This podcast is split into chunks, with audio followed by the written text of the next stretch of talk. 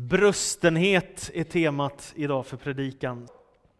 Jag sätter mig i bilen med min familj och vi kör från Karlstad mot Oslo, Norges vackra huvudstad. Och jag såg nu att det bor 1,3 miljoner människor där nu i storstadsområdets tätort. Min styrbror Mattias ska gifta sig med sin norska flicka Gro och det är en stor högtidsdag, en sådan fantastisk dag. Vigseln ska ske i det pampiga rådhuset i Oslo, som ju ligger väldigt nära havet och hamnen och man kan se ut över Oslofjorden som är så oerhört vacker. Men medan vi kör mot Norge så tänker jag på en helt annan sak som tar ner min glädje lite grann. Och det är att jag har läst att gång på gång så har de fått problem med luftföroreningar. Och särskilt på vintern. Det är något som är fel, det är inte som det ska. Så när vi närmar oss Oslo centrum och kör längs med Oslofjorden så är ju skönheten bedövande när man ser klipporna, havet och fjorden. Det är så vackert. Skapelsen är ljuvlig här i vårt karga Norden. Det är nästan som att skymta en del av paradiset när man ser ut över öarna som finns i Oslofjorden. Ändå kan jag inte låta bli att tänka på miljöförstöringen och luftföroreningarna. Något är fel, något är inte som det ska. Vår värld är delvis trasig, allt är inte rätt. Hur som helst så parkerar vi vid rådhuset i närheten där, ställer bilen där, vandrar tillsammans med min mamma och styvfar och min familj mot rådhuset, går in i den här vackra byggnaden och där står släkt och vänner och sen så går vi upp för trapporna och så är det dags för vigsel och det är otroligt vackert, fantastiskt. Och när de har sagt ja till varandra så får min kära styvbror kyssa bruden. Och så gläder vi oss tillsammans. Alla gratulerar brudparet. Det är en underbar dag. Efteråt firar vi deras bröllopsdag i deras radhus i Oslo med släkt och vänner. Det är glädje, det är fest, det är firande. Och så kör vi mot Karlstad tillbaka igen. Och ändå kommer inte jag ifrån tanken på att något är fel. Här blir luften ibland så smutsig att den är hälsofarlig på lång sikt. Något är brustet i vår värld. Det är allhelgonahelg. En helg när mer än hälften av alla svenskar beger sig till en anhörigs grav. Det har blivit en tradition i vårt land de sista åren att när allhelgonahelgen kommer, då ska man tända ljus vid gravarna och så ska man besöka någon som har fått gå före oss och stå där vid graven i stillhet och vördnad en stund. När kvällen kommer så ger vi oss av till Ruds kyrkogård. Jag hoppas att alla har varit där. Det är en sån otroligt vacker kyrkogård i Karlstad. Och när man kommer dit på kvällen allhelgonahelgen och alla dessa hundratals, kanske tusentals ljus lyser så är det oerhört vackert. Oerhört vackert. Där finns det lummiga träd, välvårdad gräs, fina begravningskapell. Och på kyrkogården i allhelgonahelgen så lyser det av ljus i höstmörkret. Det är stämningsfullt och en slags känsla av vördnad tror jag berör oss alla när man står där och när mörkret och skymningen kommer och ljusen lyser i mörkret. Så blir vi stående vid en av våra vänners grav. Vi har ju bott här i åtta år nu, så nu har vi en del människor som vi har fått följa den sista resan på vägen. Och så står vi där, en människa som dog alldeles för ung, innan liksom hela livet har gått som man tänker sig. Och Det är en märklig känsla både av sorg och tacksamhet. Sorg över att livet inte blev längre, tacksamhet över att vi fick lära känna varandra och dela en del av varandras liv. Och så suckar vi till Gud av tacksamhet för att han bär oss genom allt. Den vackraste platsen av alla är ju när man vandrar upp till det stora korset på Ruds kyrkogård. Och där brukade vid allhelgonahelgen skina hundratals ljus. Det är fantastiskt vackert. Ljuset lyser i mörkret. Och livet har segrat över döden i den kristna tron. Så det finns ett hopp som lyser genom korset. Och i nästan 2000 år har den kristna kyrkan i världen mött människor som har drabbats av sorg, människor som lider, människor som kämpar. Och vi har lång erfarenhet att kunna ge människor hopp i mörkret. Jag ser blicken på den lilla flickan, hon som har fyllt sju år och som ska börja skolan. Äntligen, vad hon har längtat och väntat på de här spännande dagarna. Nu är dagis och förskoletiden över och nu börjar skolan, nu blir hon stor. Nu ska hon få läxor, nu ska hon börja göra det som man får göra när man har fyllt sju år, börja första klass. Hon har längtat, så kommer hon till skolan, är så glad, får träffa sina klasskamrater, får lära känna nya människor, har en jättefin lärarinna, hon är jättetacksam när hon kommer hem första dagen från skolan i årskurs 1. Men det går inte så lång tid förrän ett antal tjejer på skolan har utsett henne som mobbingsoffer. Så helt plötsligt så börjar skolan, som har varit det roligaste hon har kunnat se fram emot, en fruktansvärd plats att komma till, för hon vet aldrig när hon ska bli utsatt för elaka ord, för mobbing eller för att bli kränkt eller förtryckt, vilket ju är oerhört upprörande.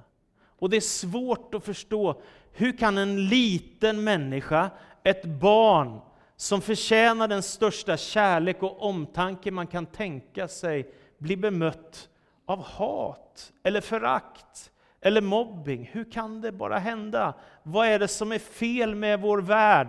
Att inte unga människor bara möts av kärlek och vänlighet och respekt och godhet, utan blir kränkta, blir nedtryckta, sårade för livet, sargade.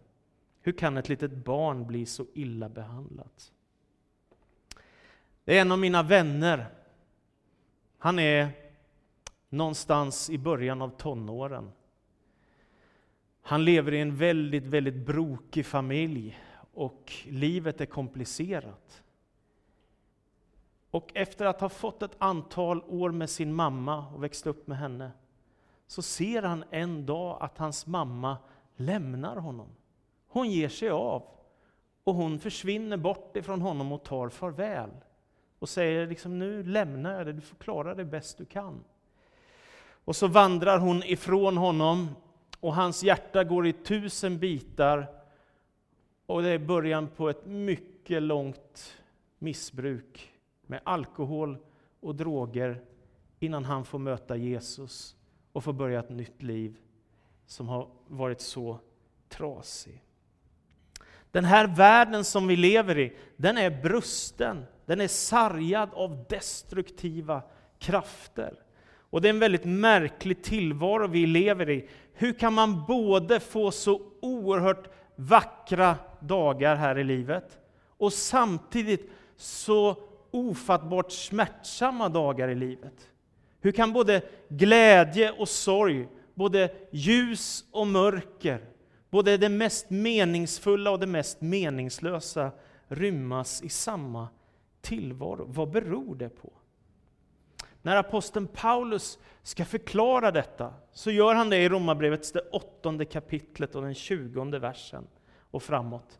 Och så säger han, allt skapat har lagts under tomhetens välde, inte av egen vilja utan på grund av honom som vållade det men med hopp om att också skapelsen ska befrias ur sitt slaveri under förgängelsen och nå den frihet som Guds barn får när de förhärligas.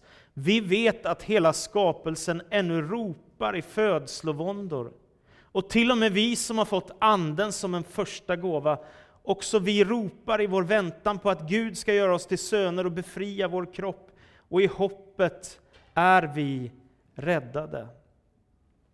Det första man måste säga om, om Bibelns berättelse om den värld vi lever i, det är att Gud har skapat allt och han har skapat allting gott.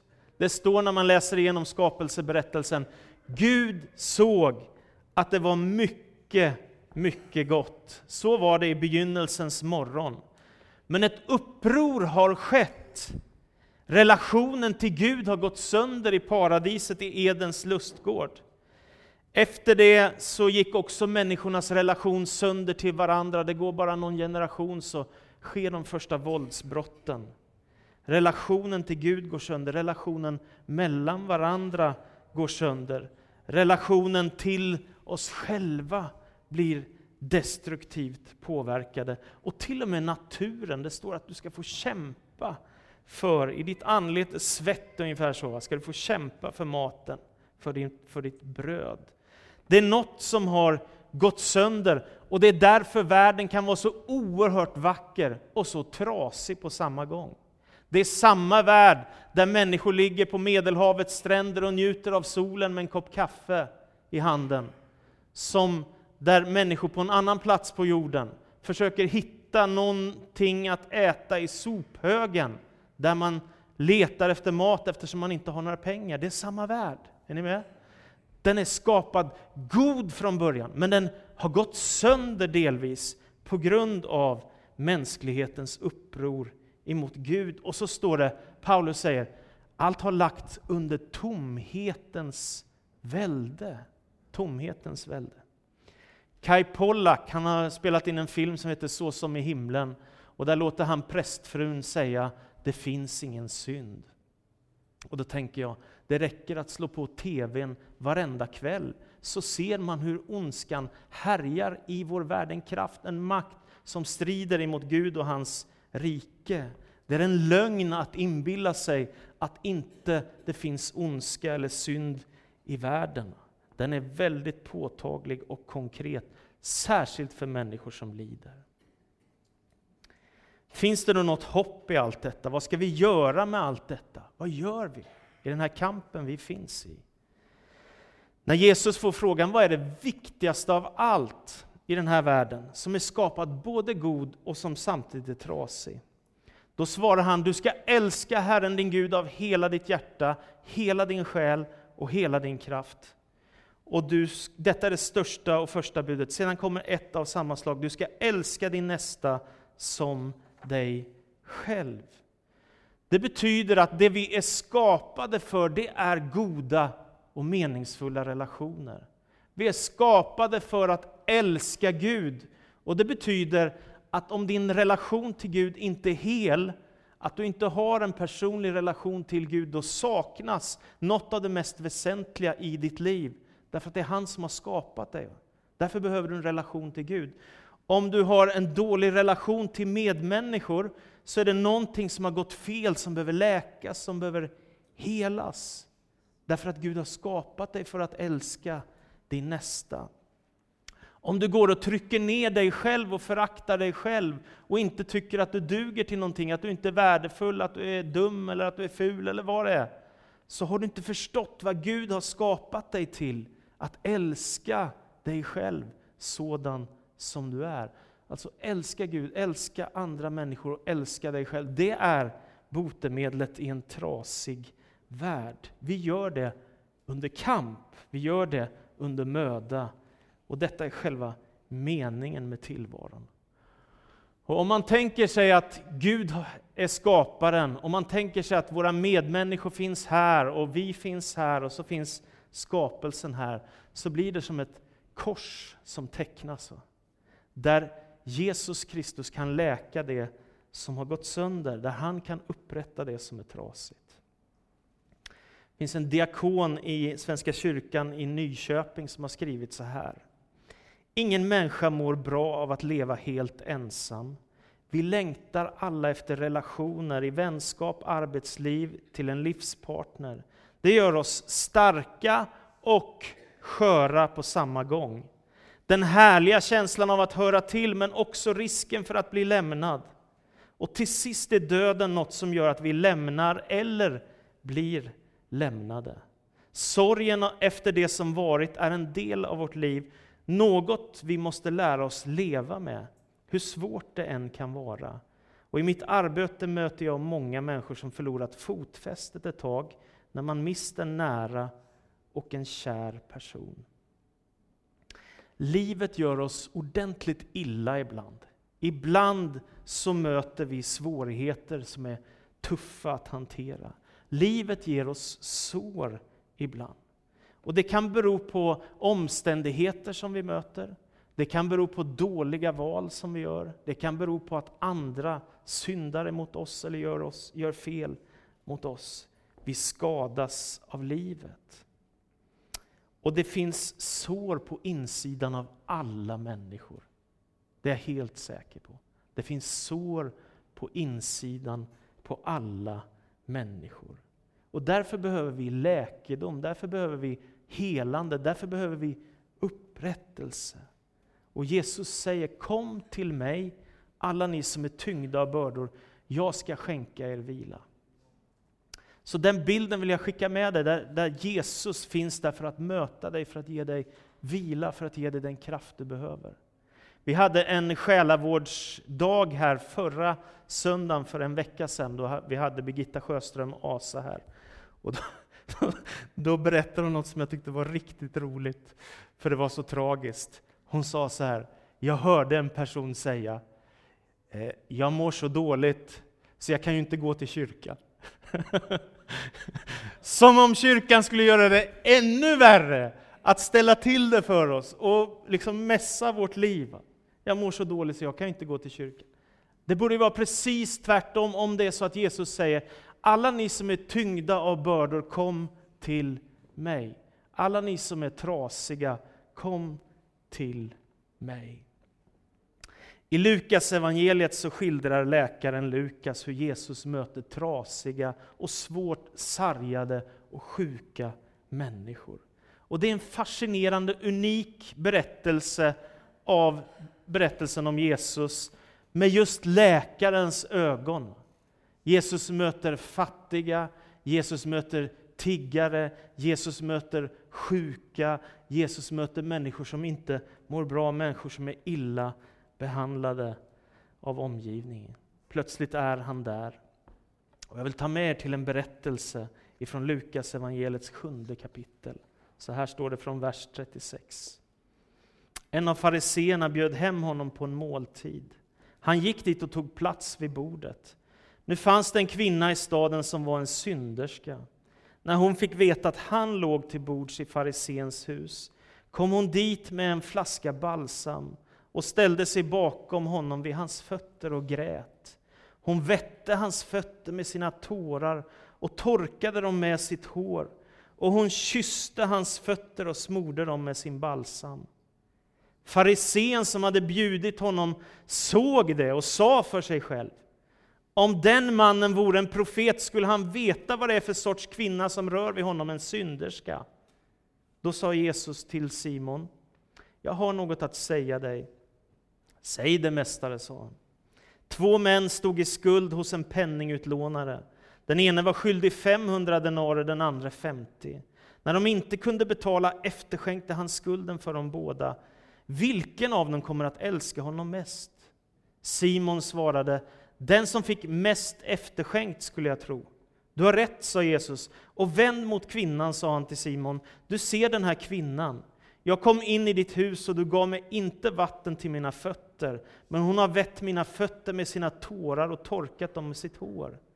Du gav mig ingen välkomstkyss, men hon har kysst mina fötter hela tiden sedan jag kom hit. Du smorde inte mitt huvud med olja, men hon har smort mina fötter med balsam. Därför säger jag dig, hon har fått förlåtelse för sina många synder, ty hon har visat stor kärlek. Den som får lite förlåtet visar liten kärlek. Och han sa till henne, dina synder är förlåtna. De andra vid bordet sa då för sig själva, vem är han som till och med förlåter synder? Men Jesus sa till kvinnan, din tro har hjälpt dig, gå i frid. Det här är en mycket trasig människa som kommer till Jesus. Jesus är hembjuden till farisén Simon, fariseerna. Ni som har varit med länge i kyrkan, ni vet, de är inte favoriterna hos Jesus. De är så här perfekta. framstår som om allt är okej okay och inga bekymmer finns och håller sig till alla lagar och regler och kan hur det ska vara och beter sig som om allt vore okej. Okay. Och Jesus vet att det inte är så. Det är därför han är lite tuff mot dem ibland. Och efter en stund så kommer en objuden gäst. Det kan väl möjligtvis vara okej? Okay, Men nu är det djupt problematiskt. Allt stannar av därför att den här kvinnan är ju inte välkommen in i en farises hus. En oren kvinna, en prostituerad, en synderska. Inte ska väl du komma in i en farises hus med ditt dåliga rykte? Men hon kommer in frimodigt. Och när hon ser Jesus så brister allt. Hennes liv är förfelat. Hon är så trasig. Hennes relation till Gud är sargad och förstörd. Hennes relation till män, den ska vi inte tala om, den är fullständigt brusten och trasig. Jag föreställer mig att hennes självförakt efter alla dessa saker hon har varit med om i sitt liv inte vet några gränser. Naturligtvis så har hon en brusten självbild. Hur ska man kunna älska sig själv om man gör så fel med sitt liv? När man gjort så dåliga val. Hur i hela världen hamnar man i ett sånt liv? Vad är det som gör att en människa kan hamna så fel? Har hennes föräldrar övergivit henne? Är det så att någon har tvingat henne? Är det så att någon har köpt henne? Eller har hon bara gjort oerhört destruktiva livsval och hamnat där själv? Hur som helst så står hon där nu med sin flaska med balsam i Simons hus. Och hon ställer sig vid Jesu fötter och så gråter hon. Jag tycker så mycket om att hos Jesus så är de människor som betraktas orena välkomna. Jag tycker så mycket om det. Jag har sagt det flera gånger, jag upptäckte det själv när jag predikade. Den första som kom till himlen var en rövare. Jesus säger, idag ska du vara med mig till, i paradiset. Jesus har en förkärlek för sargade människor. Nu står den kvinnan och gråter vid hans fötter. Jag kan se henne framför mig. En själsligt djupt sargad människa som har levt ett mycket destruktivt liv. Och så är han där, den syndfrie, alltigenom rene. Han som aldrig har syndat, han som aldrig har vänt Gud ryggen, han som aldrig har gjort fel. Nu är hon där och känner att det är honom jag behöver. Det är han som kan läka mig. Det är han som kan göra mig hel. Hon ryggar inte tillbaka därför att hon möter kärleken i den renaste form som finns. Därför står hon och gråter. Hennes ord är inte många, inte ett enda ord läser vi här i den här texten. Men hennes handling talar mer än tusen ord. Tänk dig själv att lägga dig vid någons fötter, låta tårarna väta fötterna, ta loss håret och börja torka Jesu fötter med sitt eget hår och sen smörja dem med balsam. Vilken handling! Vilken kärlekshandling. Simon är upprörd. Om bara Jesus hade vetat vad det är för kvinna, då skulle han aldrig låtit henne röra vid henne. Det vill säga, i en hederskultur, där det gäller att inte förlora sin heder, så får ju naturligtvis en kvinna inte vidröra en man på det här sättet med det dåliga ryktet. Det betyder att man förlorar sin status, sin renhet, eller vad du vill. Det är en skandal för Simon. Men det märkliga är att här sker det motsatta. Det är inte Jesus som blir oren av en prostituerad, utan det är en prostituerad som blir ren genom, Jesus Kristus. Det är hon som blir hel. Istället för att han förlorar sin renhet så får en sargad kvinna uppleva förlåtelsens kraft. Allt hon har att komma med är ett brustet liv. Allt hon har att komma med är ett sargat och skuldsatt liv. Men för Jesus så ser han någonting annat. Han ser inte bara en prostituerad kvinna som har gjort dåliga val. Utan han ser henne sådan som hon verkligen är. Det vill säga en av Guds allra döttrar i världen. En prinsessa som ska krönas till drottning genom förlåtelsens kraft. Hennes, kärlek, hennes kärlekshandlingar möts därför av förlåtelsens ord. Jesus säger till den gråtande kvinnan, dina synder är dig förlåtna. Kan man säga så till en prostituerad? Har man inte syndat för mycket då att det inte går att få förlåtelse? Kan allt verkligen läggas bakom och förlåtas? Kan en människas brustenhet behandlas med så stor kärlek att när allt har gått fel, att man ändå får förlåtelse? Och vem är han som säger att han kan förlåta synder? Det blir ju det som blir den största frågan i fariseernas hus. Vem är han? Men hennes djupa sorg och skuld möts inte av förnedring, utan av kärlek och nåd. I ett nu tänker jag att hennes inre läks och helas, och Jesus ger henne förlåtelse och nåd och upprättelse. Och han säger till en av alla Guds döttrar i världen, gå i frid, gå i frid. Brustenheten i henne har mött ett helande. År 69 efter Kristus så levde en man som hette Ignatius. Han var församlingsledare i Antiochia. Han blev martyr för Jesus Kristus i Rom, på den här stora eh, teatern som finns där, Koloss, Colosseum. Han skriver i ett brev till församlingen i Efesos. Det finns en enda läkare, kötslig och andlig, född och ofödd, Gud som antagit kött, i döden ett verkligt liv som är både om Maria och Gud, som led och sedan är utan lidande, Jesus Kristus vår Herre. Jag tycker det är så vacker bild. Jag skulle vilja skicka med den till dig idag. Jesus som läkaren, han som gör människor hela, han som möter brustna hjärtan med sin kärlek och nåd. Det står i Psaltaren 147 och vers 3. Han ger läkedom åt de förtvivlade. Han helar deras sår. Jag tänker att hos Jesus finns det läkedom för vår brustenhet. Och det blir så uppenbart när man vågar prata om sådana här saker, att vi behöver Jesus. Att varenda människa på vår jord behöver Jesus. Jag tänker på Petrus när han är i ett semane tillsammans med Jesus. Och så berättar Jesus att nu går jag mot Jerusalem för att lida. Och han, nej det ska aldrig hända dig. Och sen så börjar han säga, jo men om du så ska dö så kommer jag göra det också tillsammans med dig. Jag kommer aldrig förneka dig och allt vad det är. Och Jesus säger, du ska förneka mig tre gånger innan tuppen gal. Och så går kvällen och Jesus ber i ett semane och lider och svettas blod. Och han blir tillfångatagen av soldater. Och Petrus följer efter på avstånd, vandrar efter Jesus och soldaterna.